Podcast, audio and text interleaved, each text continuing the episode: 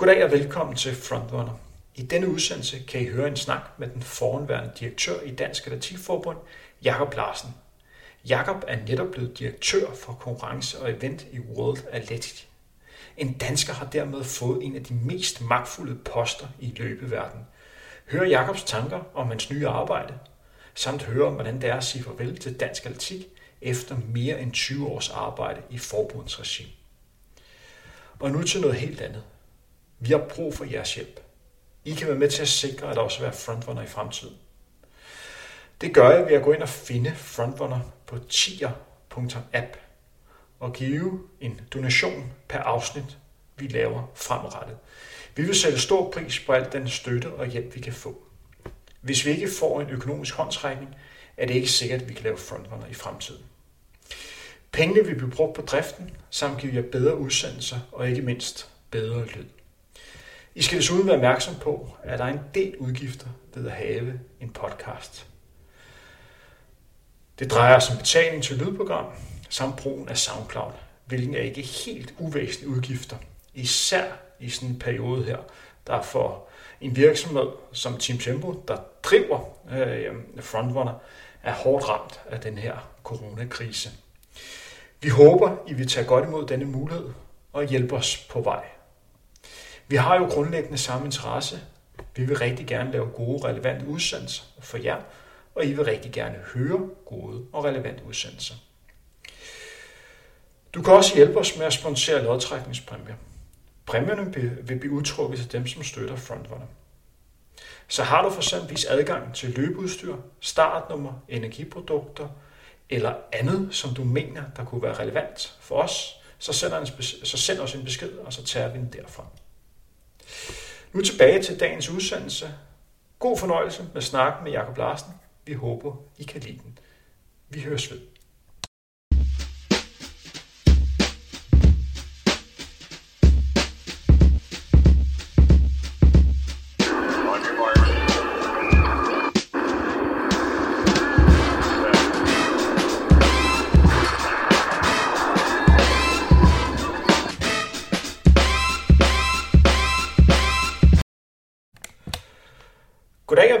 Jakob. Tak fordi du har lyst til at være med her i Frontrunner Focus. Det gør jeg gerne. Jakob, du er jo 50 år tidligere direktør for Dansk Atletikforbund, og nu har du fået et nyt job. Du er simpelthen blevet direktør for konkurrence, og, eller direktør for konkurrence og ven for World Athletics. Det lyder fornemt. Tillykke med det. Tak skal du have. Jeg bliver jo nødt til at høre de her coronatider, hvordan du går og har det. Hvordan øh, går det med det? Ja, men øh, på den måde kan man jo sige, ja, altså for det første på, på, civil, på det civile område, om du vil det private, så synes jeg, det er lige så forfærdeligt som alle andre, og er da også bekymret for de både kortsigtede konsekvenser og langsigtede konsekvenser. Men hvis nu vi skal prøve at holde os til det faglige, så, øh, så kan man sige på den måde, at starte job nu her, nu øh, midt i alt det her arbejde med konkurrencer og events, det er jo på mange måder, er der en vis ironi i det. Øh, jeg prøver så at se på det på den positive side og sige, det giver mig så tid til at sætte mig ind øh, i den her nye stilling, og også få tænkt tanker over, hvad er det egentlig, som øh, man kan overveje at gøre for at udvikle sporten. Jakob, du har jo været mere end 20 år i, i dansk atletik. Hvordan har du været stolt?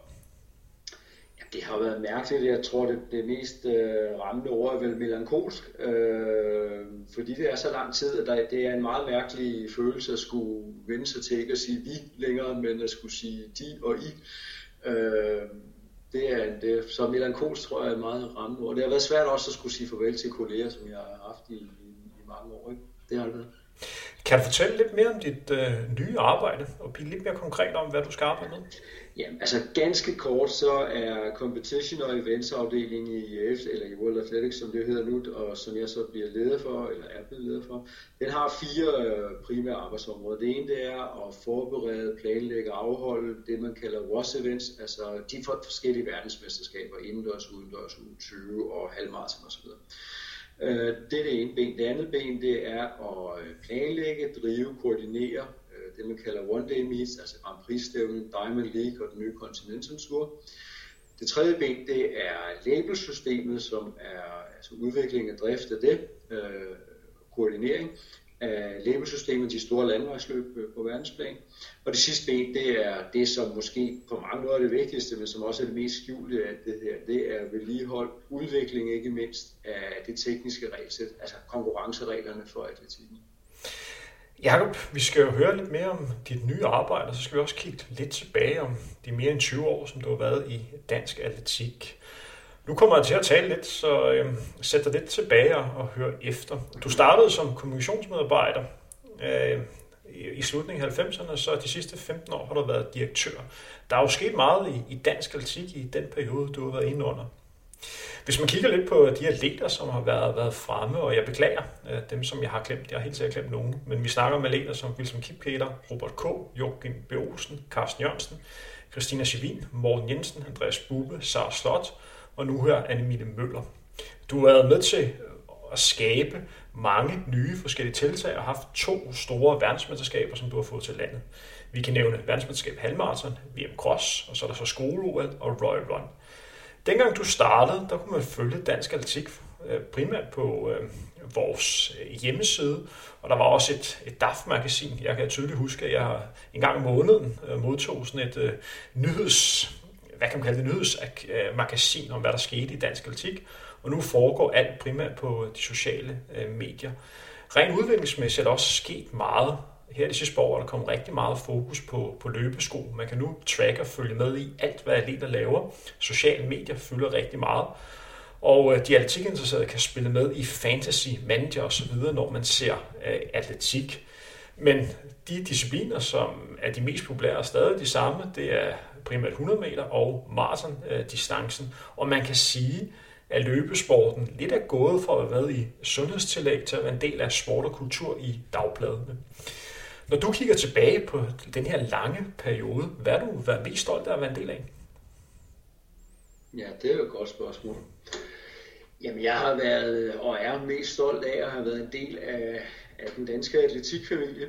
Øh, og det, øh, det mener jeg er et godt hjerte, fordi man kan sagtens nævne alle de her store præstationer og ramse dem op osv. osv. Men i virkeligheden, så synes jeg, at dansk øh, atletik Øh, det danske atletikmiljø herunder løbemiljøet udmærker sig ved en vis form for, øh, hvad skal man sige, øh, anarkisme, øh, tror jeg er et godt ord. Øh, forstået på den måde, at jeg oplever en stor idérigdom og øh, en stor vilje til at tage øh, skæbnen i egen hånd på, og det er altså på foreningsniveau, arrangørniveau og også i relationen til forhold til forbud. Det er ikke altid, jeg synes, det har været lige sjovt. Øh, det giver nogle gange nogle pudsige udfordringer, men faktisk synes jeg, at det er nok det, jeg har været mest stolt af, at være en del af et miljø, der er så pulserende, og jeg er godt klar over, at det er der måske ikke mange, der opfatter det som, men det er faktisk sådan, som jeg har set dansk atletik og stadig ser det. Hvad har været din største oplevelse som direktør? Kan du nævne en begivenhed? Det er jo nærliggende at pege på de to verdensmesterskaber, men det kan jo også være, være andre ting.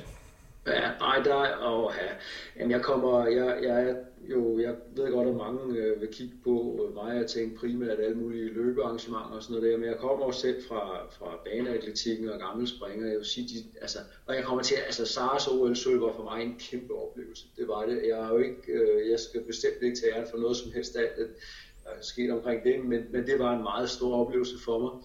Så er jeg jo gammel træspringer, øh, i hvert fald en slags træspringer. Øh, og jeg var, jeg var faktisk i halen, da Anders Møller han sprang over 17 meter, og stod jeg lige ved siden af. Og det var for mig en meget, meget stor oplevelse øh, på det sådan helt personlige plan. Øh, så jeg kommer, der vil jeg nok referere til nogle af de der atletikpræstationer, men så vil jeg, altså, hvis jeg skal nævne en ting i forhold til det, jeg fagligt mest har beskæftiget mig med, så tror jeg faktisk, det var verdensrekorden ved K. Heckenhoff sidste år, fordi Øh, ja, nu kan man så sige, at det var jo ikke en dansker, der løb det osv., osv. Men det at øh, kunne skabe rammerne på dansk grund for, at der kunne øh, laves en verdensrekord, det, det er ikke bare sådan lige. Så på den måde var det et kvalitetsstempel for det arbejde, der er foregået. Så, så det vil jeg ligesom sige, det var en stor oplevelse, at nu var dansk atletik nået dertil, hvor det kunne lade sig gøre. Hvordan oplevede du den uh, verdensrekord? Vi, vi så jo begge to uh, Spartas Hæderkrone uh, formand, eller uh, daværende formand Niels Jørgen Holst, der stod med, med tårer i øjnene, da Camvora satte uh, sat verdenskort. Og der skal altså noget til at få følelser frem i, i, i den mand. Jamen det, det, det var stort, og det, jeg tror, at Niels Jørgen måske vil bruge, det, bruge andre ord end mig, men jeg tror egentlig, det handler om det samme. Det er, at øh, dansk atletik, altså jeg er vokset op i en atletikkultur, som, som øh, fra start af på mange måder har bøjet hovedet lidt i forhold til omverdenen. Så lidt, lad os bare kalde det mindre kompleks. Det har man i en overræk, så altså gjorde eliten et rigtig stort stykke arbejde i forhold til at få gjort noget ved det med, med øh, en Joachim B. Olsen osv. osv. Øh, men på andre områder har vi egentlig skulle kæmpe rigtig hårdt for ligesom at sige, at vi kan også være med. Og, og der var det bare en, øh, en årtiers forløsning at stå med en event, og så kan man, man kunne bare se hele verden rundt, så bliver der kigget mod København på den måde. Og jeg er med på, at vi har jo ikke, det er jo ikke danskere, der har løbet den verdensrekord, men det at lave et arrangement, som på den måde lige pludselig på mange måder bliver omtalt som et af verdens største, bedste, vigtigste øh, løb på den distance, øh, det var, det var rart lige at, at, at sige, at nu, nu må det være nok med de her øh, ubevidste mindreværdskomplekser, vi kan også være med. Hvis vi kigger ja, et år tilbage, der var jo verdensmesterskabet i Aarhus. Ja, du var jo naturligvis derovre, og jeg var også derovre et, et par dage. Vi følger jo begge to med, hvad der, bliver, hvad der bliver skrevet og hvad der bliver sagt om sådan løbesporten øh, rent eller, øh, globalt. Og der var ikke nogen hemmelighed, at du blev skrevet lidt op som en frelser og skulle være manden, som, som skulle redde den her crosssport. Hvordan var det for nogle dage? der? det må være et kæmpe pres, du har følt dig. Øh, ja, men det sjove var, ja ja, altså jo, altså min presset var faktisk størst indtil, øh, at, at, at vi kunne mærke, at nu begynder omverdenen at, at holde øje med os. Så, så på mange måder vil jeg jo sige, at VM Cross var jo vundet projekt VM Cross var jo på konceptplan vundet allerede inden øh, løbet blev skudt i gang. Altså det, det, øh, det var jeg egentlig ret sikker på, da jeg stod på dagen, at den her den er hjemme øh, i forhold til, at, at, at verden ville anerkende den måde, vi havde valgt at gøre det på.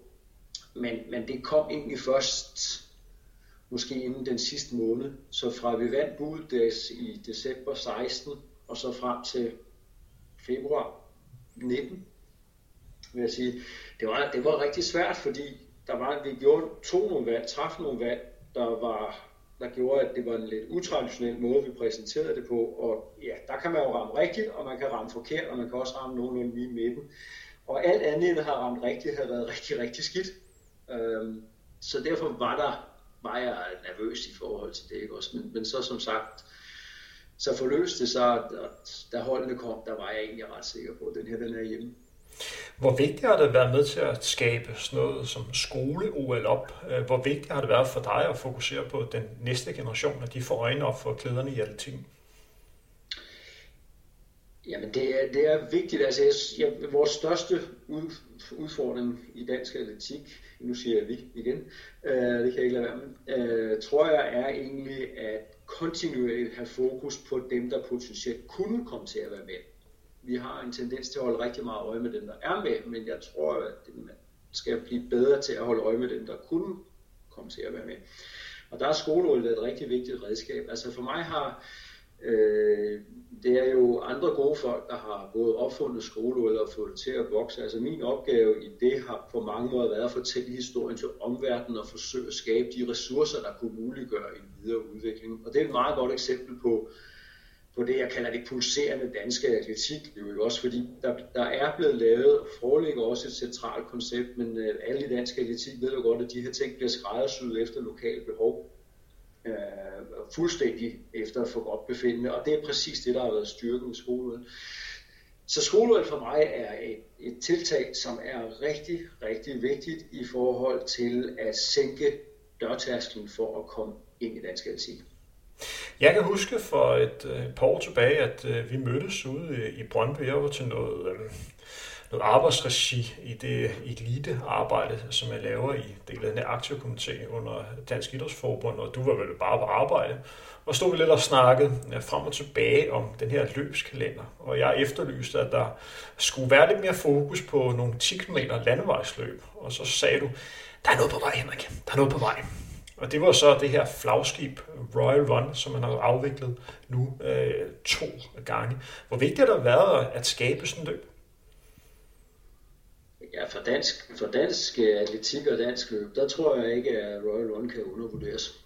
Øh, det er øh, for mig hvis jeg sådan fagligt, øh, altså hvis jeg lægger hjertet lidt væk og kigger på det sådan analytisk, så vil jeg sige, at Royal Run er det vigtigste, der er blevet skabt i dansk atletik de seneste 20 år. Kan du uddybe det? Undskyld? Kan du uddybe det? Hvorfor det var så vigtigt? Øh, det mener jeg, fordi øh, at det har fået så stor en opmærksomhed, at, at øh, vi, det er lykkedes at skabe et arrangement, som ikke kun bare er i anførselstegn et idrætsarrangement, sportsarrangement, løbsarrangement. Det er en event, der rækker langt ud over. Øh, og det, det er der, hvor, hvor idrætten bliver stærkest, det er, når du formår at lave et arrangement, som, som egentlig handler om mere end bare selve dit idrætsliv. Og det har kongehuset jo rigtig meget med at gøre, men det er faktisk også på vej til at blive mere end det. Det er jo nærmest ved at gå hen og blive en folkebevægelse, hvor kongehuset stadig er vigtigt, øh, men på mange måder rækker langt ud over, over, over det faktisk. Altså vi ser øh, Royal Lund få fat i befolkningsgrupper, vi jo slet ikke kunne forestille os ellers at være i kontakt med. Så det betyder en dag om året, så er dansk atletik i stand til at nå folk, vi overhovedet ikke er i stand til at have en kommunikation eller dialog med på nogen som helst anden måde. Og det betragter jeg som utrolig værdifuldt. Og det skal man så udnytte på bedst mulig måde. Det har vi forsøgt at gøre, vi igen, øh, ved for eksempel at lægge DM 10 km ind. Ikke fordi vi regner med, at interessen for DM 10 km lige pludselig bliver kæmpestor, men stille og roligt over for år øge forståelsen for, hvad det egentlig er, vi går og laver årets 364 andre dage. Fordi noget af det, som du øh, er svarer på her, det er jo været en af løsningerne til den gåde, som mange har stået med i, i løbesporten. Det er for eksempel en af de store flagskib, som også har været, det er jo det ældste fedt, blandt andet i København ser rigtig rinke mange løbere stille op og løbe 5 km i fældeparken, som man ikke ser til andre løbsarrangementer. Og det er jo nogle af de her løber her, som får øjnene op for et løb som Royal Run. Jamen det er rigtigt, øh, og, og det, det som gør Royal Run til så, så stærkt et arrangement eller en event, det er jo partnerkonstellationen samlet, altså hver især er utrolig stærk, ikke? Men, men, men når du lægger de her ting sammen, altså det at have øh, en øh, partner som TV2, det er, øh, det er, man kan slet ikke sætte øh, værdi på, hvor vigtigt det er. Øh, dels fordi de selvfølgelig giver os adgang til, til at kommunikere med rigtig mange mennesker, Altså det har været meget populære tv-udsendelser, den dækning, de har haft, vi skal huske på, det er 10-11 timers live-tv. Øhm, dels det, men faktisk også fordi de på det kreative niveau, altså noget af det, som, som jeg selv har forsøgt at gøre i mine år i dansk atletik, øh, og, og stadig også arbejder meget med, det er at forsøge at få andre perspektiver ind på det, vi laver, fordi vi, vi har en tendens til at stige os blinde på det, vi selv synes rigtig godt om, og der er det bare rigtig godt at få folk, dygtige folk, fra andre relaterede brancher, om du vil, til at kigge på det, vi laver, og være med til at udvikle. Der har TV2 været rigtig vigtige. Øhm, så for mig er det også interessant at, at dyrke det samarbejde og se, hvad vil det kunne føre til også i andre sammenhænge fremover. Er det en langtidsholdbar løb, Royal Run? Tror du også, vi kommer til at have det om fem år? Ja, øh, hvis du spørger i dag, så vil jeg sige ja. Men, men øh, grundlæggende, altså det, det er min grundlæggende holdning, det er lidt til tænke, at hvis man gerne bevare, vil bevare noget, så er man nødt til hele tiden at udvikle det. Altså fordi øh, de rammer, ting eksisterer i, udvikler sig også hele tiden. Så man skal forandre for at bevare. Øh, så, så ja, jeg kan se Royal Run blive en meget langvarig succes, men, men der vil også være et behov for kontinuerligt at justere og dreje og udvikle i forhold til, hvordan det danske samfund i øvrigt udvikler sig. Hvis du kigger lidt tilbage igen på den her lange periode, hvor du har været en del af dansk atletik. Nu har jeg spurgt om de ting, som du er rigtig glad for, at du har været med til. Når du sådan tænker tilbage, er der så nogle ting, hvor du ønskede, gud, jeg skulle have gjort anderledes her? Ja, ja, ja. Op du godeste. Den liste er mindst lige så lang. Øhm... Jeg kan også vente om og så sige, er der, kan du nævne en ting, hvor du blev overrasket mest over, hvad der rent faktisk kom til at ske? Det kan være den her coronakrise, at der lige pludselig ja, den, den der er overrasket mest. Det var en lille smule overrasket over. Øh, det kan vi jo godt sige, så den kan vi godt sætte på listen. Jamen, øh, jeg er blevet overrasket over, øh, hvor... Altså man skal huske på, når, når jeg kigger på udviklingen af dansk øh, atletik, dansk løb, så, så er øh, meget af den udvikling, der har været foretaget i dansk løb, den startede egentlig med at have rod i atletikmiljøet. Øh, Og det, det, det kan atletikmiljøet slet ikke få nok ros og anerkendelse for. Det er, det er helt utroligt, hvad man formåede at opbygge. De samme mennesker, der gjorde det, når de kom ind på stadion, så var det meget med, med et, et andet tilgang, der gjorde, at det var meget, meget svært at udvikle. Øh, og det, det, og det, det forundrer mig stadig i dag, at, at, at stadionatletikken er enormt svær at udvikle, på trods af, at det er meget af de samme mennesker, der arbejder med det, som er enormt innovative uden for staten. Øh, det er noget, der det er interessant at observere, men jeg kan konstatere, at sådan er det. Jakob, hvis vi går, går lidt videre, det som du nævnte her, det kan vi jo lave en helt udsendelse om. Vi kan jo snakke i flere timer om det dilemma, som du nævnte her. Men hvis vi lidt fokus på den nuværende øh, situation, jeg synes selv, at det må ikke være det, det sjoveste tidspunkt at skulle aflevere dansk atletik øh, videre i de her øh, coronatider. Og der er også nogle ting, hvor du øh, hverken går til eller fra. Men hvor bekymret er du over de øh, udskudte mesterskaber, og det med, at klubberne er lukket ned for en periode, og der er løb, der, der helt bliver aflyst eller rykke. Skal man være lidt bekymret for øh, dagsformen for, for dansk atletik? Nej, det synes jeg faktisk ikke. Altså heller ikke øh, krisen taget betragtning for, nu tror jeg, uh, hvad skal vi sige, to-tre år siden, der skrev jeg et notat til den daværende bestyrelse DAF om, at jeg personligt anså 2019 for afslutningen på en epoke, altså en tidsperiode, om du vil, øh, som var punktummet for en periode, hvor vi har udviklet og forfinet og raffineret dit nu datten forsøgt at lappe på det, der ikke virkede, men at fra 2020 så handlede det ikke længere om at lappe og reparere, der handlede det egentlig om at bygge fundamentet til noget nyt. Så vi gik egentlig fra afslutningen på en epoke og skulle til at bygge fundamentet op til noget, der kommer. Og det tror jeg stadig. Jeg havde så ikke lige regnet med, altså det ikke, jeg havde ikke forudset, at, at den her øh, virus skulle, skulle bidrage så alvorligt til, til, til behovet derfor.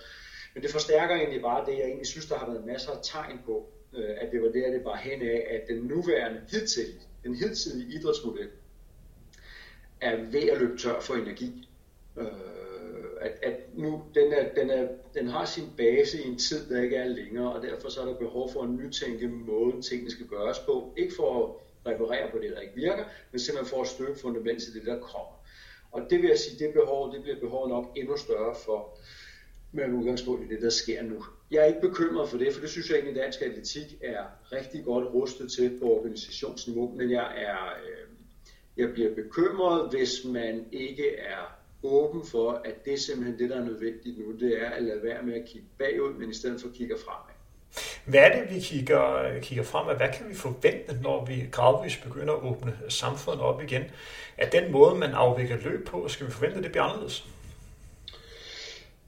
Mm, ja, altså ja, det, det lette svar det er, det er jo ja, fordi det, det, er, en, altså det er ligesom, øh, det er, det, er, det er grundlæggende øh, præmis, at løbsafvikling udvikler sig altid. Øh, så det tror jeg ikke, der vil ske noget, noget ved. Altså det jeg faktisk tror, der sker mest ved, det er jo det, der ikke er bæredygtigt i sig selv ressourcemæssigt, men som er baseret på ekstern ressourcetilskud, om du vil. Det kan være, det kan være i penge, men det kan også være på anden måde. Øh, løb i sig selv, og nu taler jeg om løbsarrangementer, er samlet set en meget, meget stor industri, vil jeg så bruge det ord. Og så længe det er det, så er jeg ikke bekymret, så vil der være rigtig mange mennesker, der, der er dygtige og fokuseret på at udvikle og vedligeholde værdien af det produkt. Hvor vigtigt, øh, undskyld, ja. øh, hvor vigtigt er det for, for dig for igen, det er lidt unfair, at du skal stå og svare på, øh, på, på de her spørgsmål, men lad os tage en uh, dialog. Hvor, hvor afhængig er øh, øh, øh, DAF øh, i forhold til at få økonomien for alle de her løb? Hvor, hvor vigtig finansiering er det? Jamen, det kommer ind på, hvad man vælger. Øh, hvis man gerne vil have en, en, en idræt, som er relevant for flest mulige mennesker, uanset hvilken inkarnation af, sin, af idrætten de dyrker, og uanset hvilke tilførhørsforhold de har, så er det rigtig, rigtig vigtigt, øh, hvis man øh, snarere vil, vil koncentrere sig om, hvad skal man sige, kerneopgaven, så er det lige pludselig ikke længere så vigtigt. Øh, og, og de to ting, det er lidt hønen og ægget, fordi øh, hvis du har noget, hvis du vender dig mod omverdenen og er relevant for rigtig mange mennesker, jamen så har du også, altså så har du en, en for at bruge udtryk, en stor vækst. Hvis du koncentrerer dig om, om noget, der er relevant for ganske få mennesker og prøver at forfine det, jamen men så, så, er, så har du ikke samme behov og heller ikke samme muligheder. Så, så de to ting kan gå lidt hånd i hånd. En ting, som man har blandet og rykket, det er jo Royal Run, det her store flagskib, som man med stor succes har afviklet to gange nu her. Det skulle være afviklet i juni måned, og nu er det berykket til september. Er det korrekt? Jo, det er rigtigt. Det er jo ikke nogen hemmelighed, at det er ikke noget, man rykker lige over natten. Kan du fortælle lidt om, hvordan det har været at rykke sådan en kæmpe arrangement som Royal Run? Jamen for mig har det jo været, altså det, er jo nærmest mig, det har været lettest for, fordi jeg var jo på vej ud på det tidspunkt, så jeg er jo stille og roligt blevet koblet af alle mulige beslutningsprocesser, men jeg har da været med i noget af det. Øh, jamen altså, der er rigtig mange hensyn at tage. Nummer et, det er jo øh, selvfølgelig at begynde at lave scenarier for øh, på det tidlige fase. Altså, hvad gør vi ved sådan, hvad gør vi ved sådan, og, og så videre, så videre, så videre. Så et løb som Royal Run er der så mange interessenter i. Altså, der er fem lokationer, det finder sted i, og der skal man jo have både den lokale arrangør med ombord i forhold til, hvad passer ind i deres planer. Og det skal jo passe ind, så alle kan den samme dag. Det er der en vis kortlægning i, vil jeg sige. Øh, så skal byen jo også, værtsbyen, kommunen, skal jo også være med på den, så det skal man også have med i. Du har en tv-station, hvis live-dækning af det her er rigtig, rigtig vigtigt. Så hvad passer ind i deres øh, sceneplan?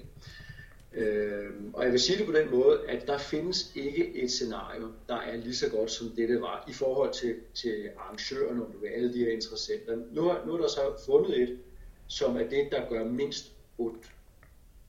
Men det er, også, altså det er den rette formulering, fordi det er, øh, det er en, en ikke altså alle, der kender løbskalenderen, kan jo prøve at kigge på den og sige, hvis jeg siger 6. september, så siger nok, der skal være et kæmpe stort løb der, et af verdens absolut største. Hvad ligger der øvrigt løbsarrangement rundt omkring der, så kan man jo selv regne sig frem til, at der er nogle folk, der bliver voldsomt belastet på arrangørfront i den tid. Det er også et efterår, hvor at Øh, vi kigger hen imod en kalender, hvor vi kan se rigtig, rigtig mange løb, der bliver afviklet i september og oktober. I er jo ikke de eneste, der bliver nødt til at rykke jeres øh, et løb. Kan du fortælle, hvad vi kan forvente at se med at have en, en kalender, hvor det simpelthen boomer med det ene løb efter det andet? Den weekend, som du nævner blandt andet, der har vi jo flere store løb blandt andet. Starter den her nye Øh, Superhalf-serie op, hvor vi også får to løb den, øh, den samme weekend, både i, i Lissabon og i, i Prag. Hvad kan vi forvente de her måneder her?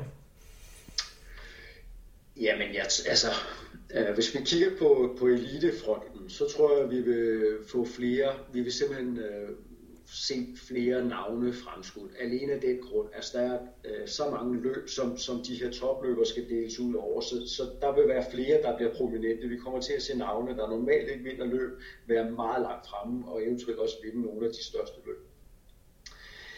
Det er den ene ting. Den anden ting, vi kommer til at se, det er, at øh, en del af de her løb, der har flyttet sig, det er der omkostninger forbundet med.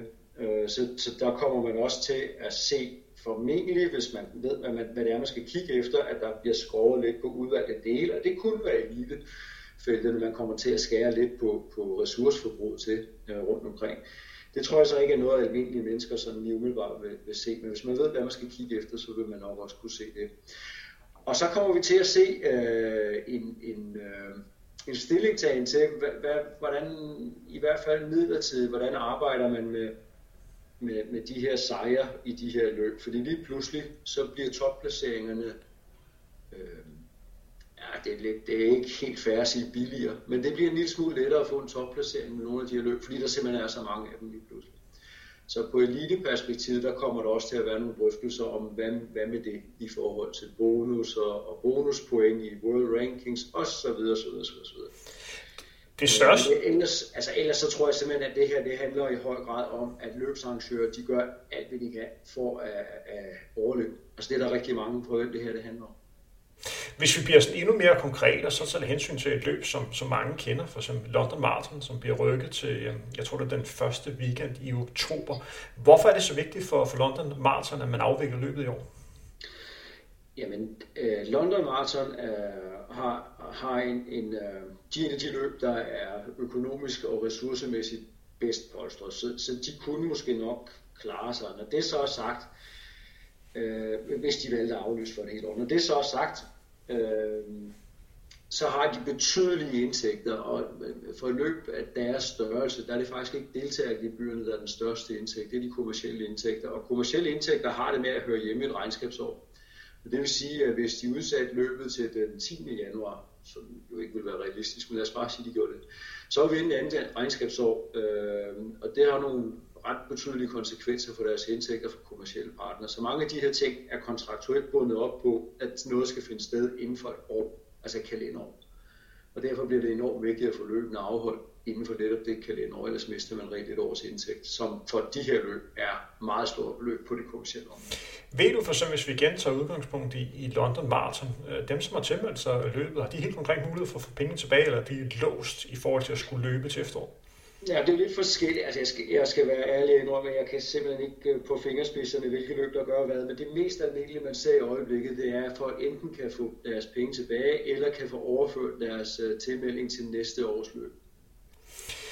Der er nogle få løb, der har gået ind og der har sagt, at bare ærgerligt, I har mistet jeres deltagergebyr. Men de fleste løb forsøger at finde en løsning enten ved tilbagebetaling eller overføre tilmelding til næste løb.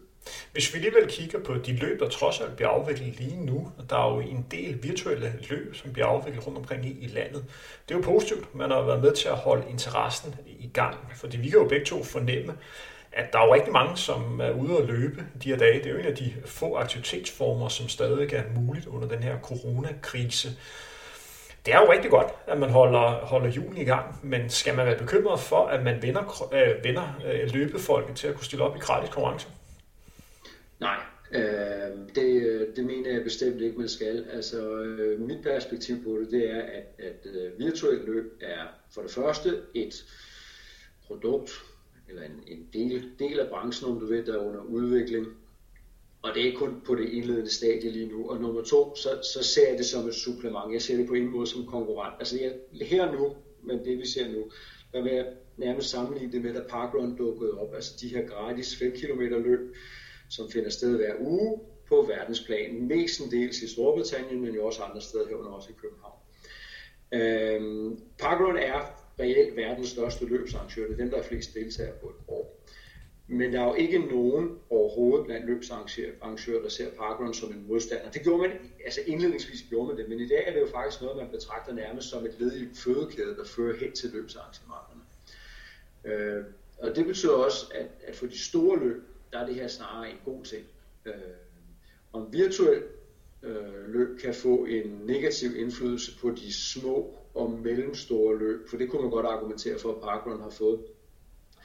Det vil jeg ikke afvise, men for branchen som helhed, altså for løbeverdenen som helhed, så ser jeg ikke virtuelle løb være nogen trussel overhovedet, og i øvrigt jo heller ikke noget særligt stort i forhold til de, øh, de, de, de, de virkelig i anførselstegn øh, løb.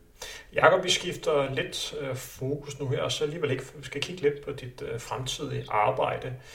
Jeg har hørt nogle øh, historier om, at du skal til, til Monaco bo. Er det korrekt? Ja, når, når mine, mine børn engang er færdige med noget skole, altså jeg har en datter, der skal gøre folkeskolen færdig, så når hun er færdig med den næste år, så, så rykker vi sydpå, det er rigtigt. Det lyder ikke helt tosset.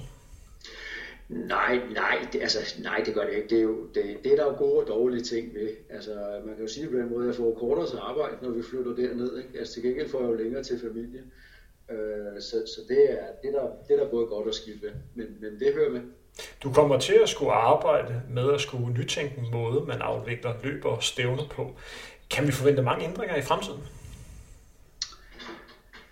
Øh, jeg tror ikke, man skal forvente at se, altså ikke sådan, altså, hvor man øh, vil tænke, hold op, det her det er revolutionerende, men, men forhåbentlig øh, vil, vil man, hvis man ved, hvad man skal kigge efter, kunne se en bevægelse i retning af af events, som har et øh, større fokus på det, jeg vil kalde oplevelsen, end på øh, selve den tekniske afvikling. Øh, på den måde, så, så min tilgang til, til events er meget, at, at det er ikke så meget en, et teknisk produkt. Altså det er ikke et produkt, vi leverer som sådan, det er meget mere en oplevelse. Og i den forstand, ud fra et oplevelsesperspektiv, så vil jeg godt kunne argumentere for, at det ikke er så vigtigt, at et maratonløb er 42,1 i 5 km.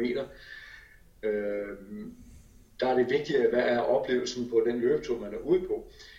Men det, altså, dummer er jo heller ikke, altså, øh, at selvfølgelig bliver et maratonløb ved med at være det, der men der kommer nok til at være et lidt større fokus på helhedsoplevelsen. Det tror jeg, håber jeg da. Du nævnte jo i starten, hvad for nogle arbejdsområder du kommer til at, øh, at kigge øh, på, men hvis vi nu skærer det ind og så deler løbesporten lidt op i forskellige grene, der er baneatletik, og så er der landvejsatletik, og så er der lidt mere cross og sådan trailløb og sådan bjergløb. Hvor vil du komme til at have, have mest fokus? Øh, hvor man kan sige, at landevejssporten er på mange måder på vej frem. Der er jo stor øh, markedsinteresse i den del, hvor man kan sige, at har det, har det lidt sværere. Er det der, hvor man skal ind og arbejde mest med at skabe et nyt produkt? Jamen, det er et godt spørgsmål. Altså i dag, øh, hvis man kigger på World Athletics, så vil man øh, nok mm, fra en løbeverdens side beskylde dem for at have meget fokus på stadionatletikken. Det er der også en god grund til, fordi det er der pengene kommer fra. Øh, så det giver ligesom sig selv, at det er den vej, blikket retter, øh, retter sig. Sådan har verden jo med at hænge sammen. Øh, men øh, der er heller ikke nogen tvivl om, at, at, at den globale omsætning, om du vil, både i penge, men også i mennesker, øh, jo er langt, langt større i øh, løbeverdenen uden for staten. Øh, og derfor så tror jeg godt, man kan forvente, at øh, World Athletics i en stadig stigende grad kommer til at engagere sig i det, der foregår uden for stadion. Ikke med henblik på nødvendigvis at skulle øh, tjene rigtig mange penge på det, men helt klart med en rolle i at få den del af, af atletikken til at vokse endnu mere. Sidste år i europæisk atletik, der indførte man en ny måde, man kunne konkurrere landevis på. Det medførte nogle nye og anderledes tiltag. Øh, man så blandt andet en slags jagtstart kaldet Hunt, og man så blandt andet også en dansk sprinter vinde i en højdespringkonkurrence, øh, hvilken skyldes, at det var et lidt indviklet pointsystem, som var sjovt at se, men man kan godt argumentere for, at det var måske ikke den bedste højdespringer, som vandt den konkurrence, men det var bestemt underholdende at overvære. Er det sådan noget, vi skal se mere af? Øhm, ah, ja, jo. Altså, jeg er en relativt stor tilhænger af, at øh, prøve at gøre tingene lidt forståelige. Altså, man skal helst kunne forklare sin, sin event eller sin konkurrence i en sætning, og hvis ikke du kan det, så skal du nok tilbage til tegnebrættet. Øh, og det synes jeg egentlig, øh, at, at øh, European Games, øh, som det var, slog sådan en lille smule med. Det ændrer ikke ved, at jeg synes, det var fint at prøve de her ting af. Øh, men, men jeg tænker også, at den, den kan godt lige tåle en revision, og så prøver vi en gang til. Jeg synes, at atletikken har, vil have rigtig godt af at, at prøve at tænke på lidt anderledes måde at gøre ting på, men det skal, det skal stadig give mening, både for dem, der kigger på, og dem, der laver det, og det skal være på en let forståelig måde. Hvis det bliver alt for kompliceret, så begynder jeg også selv at slå ind. Jeg må altid stå, jeg havde lidt, uh, lidt svært med uh, European Games, som du refererer til. For en af de ting, som jeg bliver fascineret af i atletikken, det er, om man kan se, hvem der er hurtigst, og hvem der er stærkest, og hvem der kaster længst, eller hopper højst. Skal man gå lidt på kompromis med det, er simpelthen for at kunne overleve den her uh, barske konkurrence med andre idrætsgrene? Ja, altså jeg, jeg synes jo, altså, ja, jeg synes godt, man kan gå lidt på kompromis med det, men det kommer lidt an på, hvad vi mener med det, ikke? Også fordi øh, det er jo lidt ligesom, øh, der er andre elementer af atletikken, hvor jeg vil, det, jeg vil kalde held, spiller en rolle. Ikke nødvendigvis i øh, finaler, men så alligevel, fordi hvis du springer en længdespringsfinale, øh, så kan du jo være i den situation, hvor vinden vender frem og tilbage. Og så begynder held bare at betyde lidt. Øh, det tænker vi ikke nødvendigvis så meget over, men vi har, øh, og det er jo både kaste- og springdisciplinerne især, der betyder øh, vinden i det øjeblik, du laver dit forsøg, vind, vejrforhold osv. Det betyder faktisk en del. Det kan også begynde at regne midtvejs i en konkurrence. Hvad så? Øh, så, så jeg har ikke så meget imod, at held på en eller anden måde spiller en rolle. Det synes jeg allerede, det gør. Øh, jeg har noget imod, når det bliver øh, hvor heldet begynder at betyde mere end det sportslige. Og jeg har noget imod, når man laver, når man designer konkurrenceformater, hvor man sætter sin egen fiasko. Og med det mener jeg, at øh, der har for eksempel været tiltag med længdespring, hvor at man øh, lader de første fem runder være afgørende for, hvem der får lov at være med i den sidste runde, og så springer man simpelthen op det sidste runde. Så det er fuldstændig lige, hvor langt du sprunget de første fem. Sidste runde, det er der, vi springer om, det er den, der springer længst i 6. runde, har vundet. Problemet med det, det er, hvad nu hvis alle overtræder? Hvad så? Øh, eller at de første overtræder, så er der ens flip af, så kan vedkommende springe 3 meter og bliver så olympisk mester. Ikke? Det er det, jeg vil kalde at designe sin egen fiasko. Så det her med at tænke de der scenarier igennem og sige, hvad, hvad er det værste, der kan ske, der skal det jo stadig fungere. Øh, der, der, der skal man stadig lige tænke sig om. Men øh, vi er enige om, at hvis vi går ind og kigger på den her højdespringkonkurrence, som var sidste år, hvor den danske sprinter Simon Hansen flot stillede op i højdespring og endte med at vinde og slog blandt andet en tidligere verdensmester i højdespring. Det er jo sjovt at se, fordi vi er danskere, og vi vil gerne se vores danskere klare det godt, men hvis det her det var en, en ungar som vandt, så vi måske ikke set det med helt samme briller. Nej, så havde vi, altså pointen er, så havde vi jo ikke set det. Øh, så havde vi jo kun set det, hvis, øh, hvis det var vores højdespringer, som var verdens bedste, og som var blevet slået af, af en sprinter, der var røget ind på holdet. Ikke? Øh, ellers det er jo ikke noget, der vækker opsigt. Øh, det var kæmpe opsigt i Danmark, og det var jo fint. Øh, men men på, på, for, for sporten globalt, så, så ser jeg ikke den store værdi i lige præcis det. En ting, som du også lige skal have mulighed for at svare, det var sådan, at øh, vi i slutningen af sidste år lavede en udsendelse, hvor vi kiggede lidt tilbage på, hvad der var sket i løbeverdenen i 2019. Og en ting, som jeg har lidt fokus på, det var øh, verdensmesterskabet i cross, som blev en kæmpe succes. Vi har snakket om det øh, den her, i den her udsendelse. Men også lidt mere om fremtidsperspektiverne for, for cross, fordi jeg savner personligt lidt at kunne se, hvad der skulle ske med, med Gross efterfølgende. Verdensmesterskabet i halvmarathon, som også var en, en stor succes, som blev afviklet i 2014, der kunne man se en, en tydelig plan på, hvad der skulle ske for, for halvmarathonsporten fremover. Og det var blandt andet med til at skabe det her Copenhagen Half, hvor vi sidste år kumulerede med den her fantastiske verdenskort, som Camborra øh, fik. Men med cross-sporten har det været svært at se, hvor er det, vi skal på, på vej hen. Den måde, som jeg tolker det, det er, at man, man står lidt på et stort sted, ikke rigtig ved, hvad for en vej man skal gå. Er det korrekt tolket? Ja, det synes jeg, det er. Og man vil egentlig sige, det er øh, hele vores, vores idræt.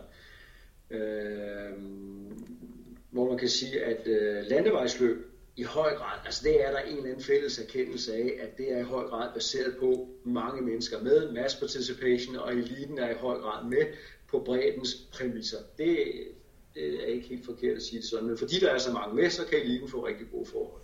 Stadionatletik, der er vi også enige om, det her det er de bedste af de bedste, øh, og der er det ikke så nemt at få lov at være med, hvis man bare gerne vil prøve første gang, når man er 42 år.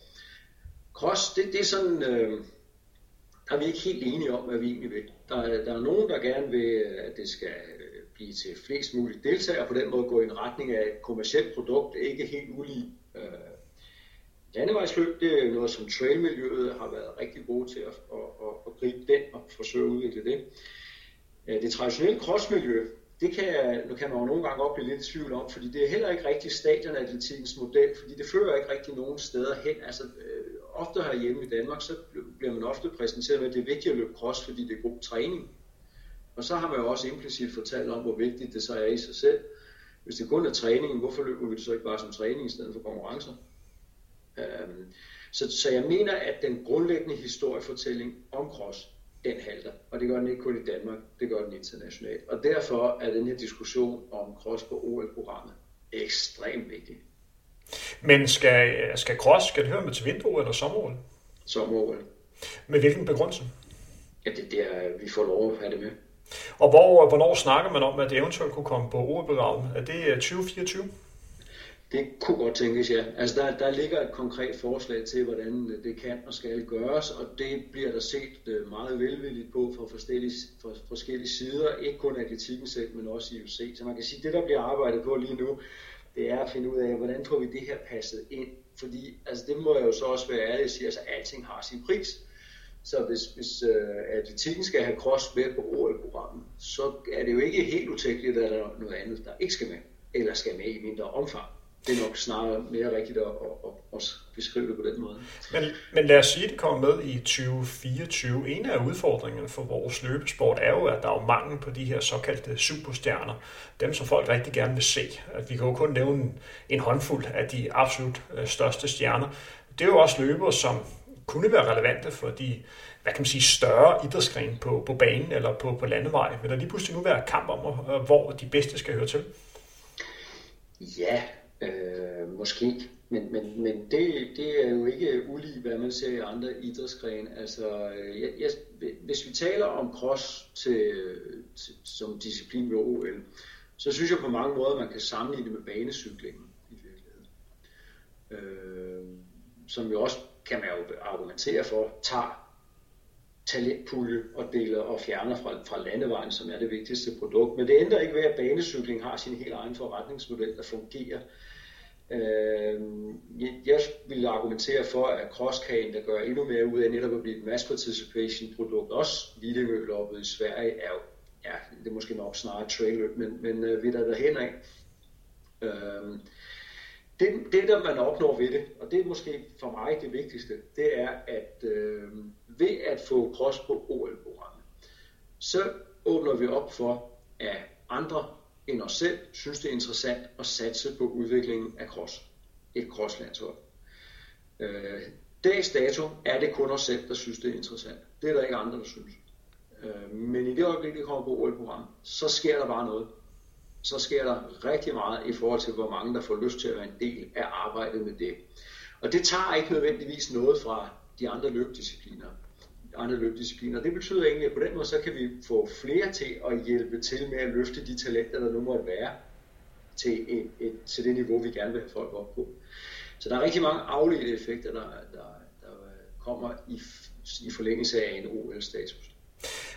Hvad vil konsekvensen være, hvis øh, cross ikke kommer til OL? Skal vi så være bekymret for crosssporten? Jamen så, så, øh, så der hvor jeg sidder nu, så tror jeg nok, så vil jeg jo kigge på det, og, og, og som så jo, så jeg vil slet ikke sige, Aarhus var en succes, det viste potentialet for en vej, Kroske Å. Øhm, og det skal man bygge videre på men, men man er nødt til at sige, at, at nu det ikke, det, ikke, det handler ikke om træning. Cross er ikke godt som træning og så videre. Det handler simpelthen om at fortælle en historie, øh, som er værd at se på, og som kunne være sjov at være med i. Så det her med, lav et løb, der er sjov at være med i, og som er sjov at se på.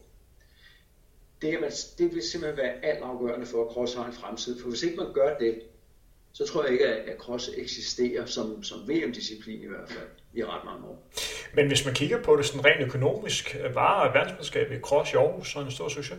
Nej, det var det ikke. Tværtimod. Altså, det, var, det kostede rigtig mange penge, øh, og det, det kostede også meget for dansk atletik, og det kostede meget også for det internationale atletikforbund.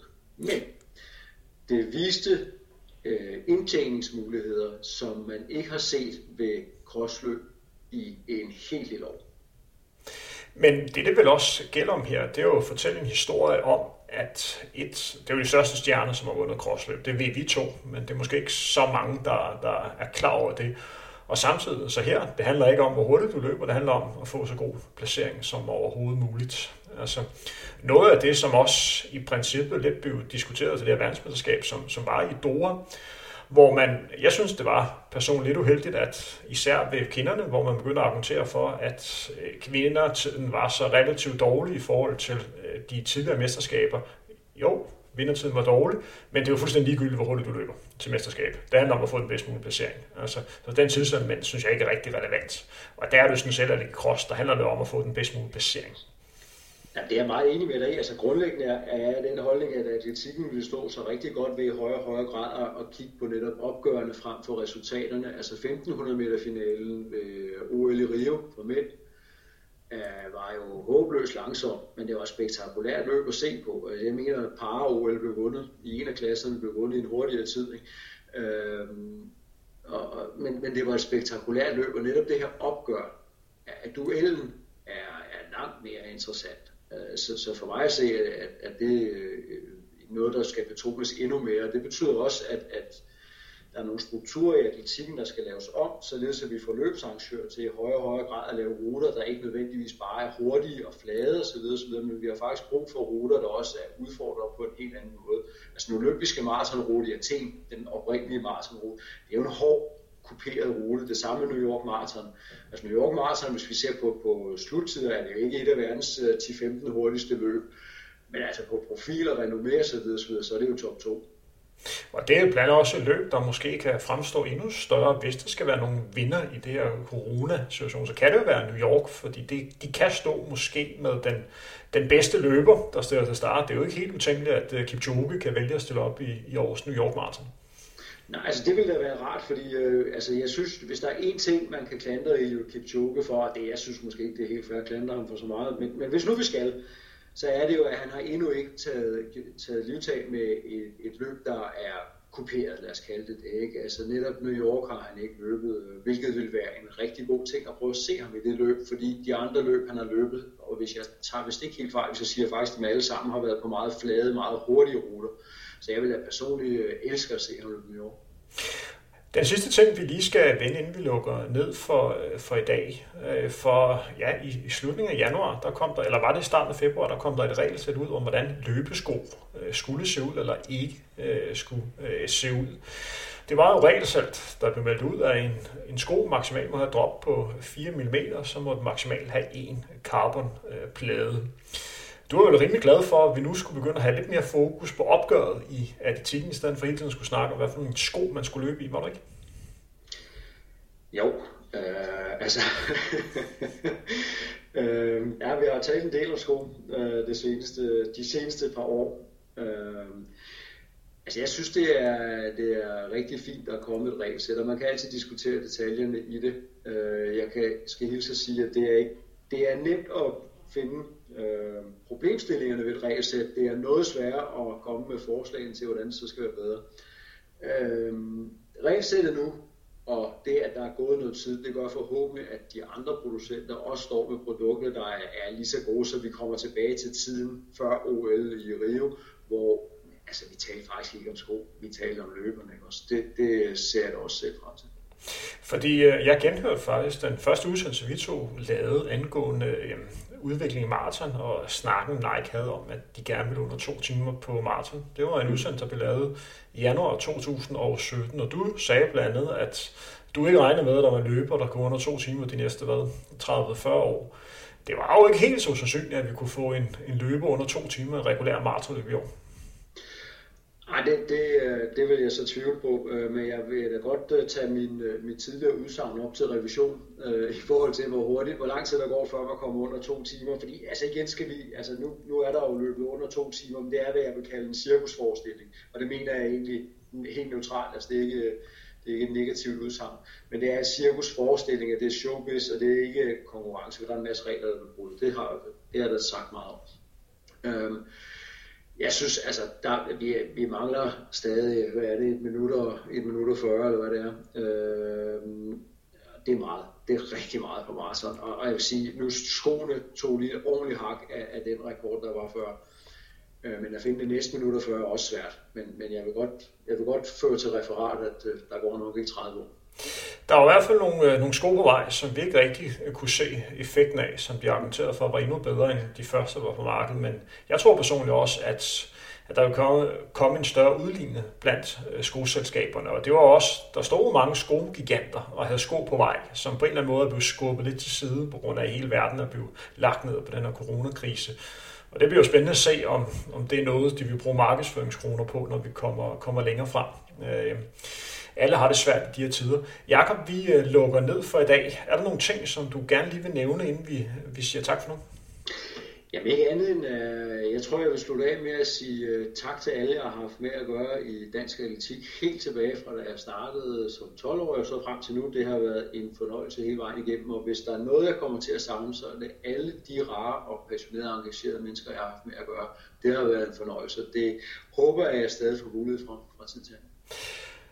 Det, det håber vi også, og jeg er da også helt sikker på, at nu her, hvor jeg snakker for, eller tager mig den frihed at snakke for, for hele Løbe Danmark, sige, øh, sige tak til dig, Jakob, for alt det, du har gjort for vores øh, kære løbesport. Du var med til at sørge for, at Danmark kom endnu mere på verdensplan, øh, end det nok havde været tilfælde, øh, tilfælde, hvis du ikke havde været på, øh, på posten. Så, så tak for det, og jeg håber, at vi også stadigvæk må ringe til dig en gang imellem og lige høre, hvad status er med dit arbejde. Selvfølgelig. Jeg elsker at snakke om det her, så det gør jeg bare. tak for nu, Jakob. Tak fordi vi måtte ringe op. I lige måde.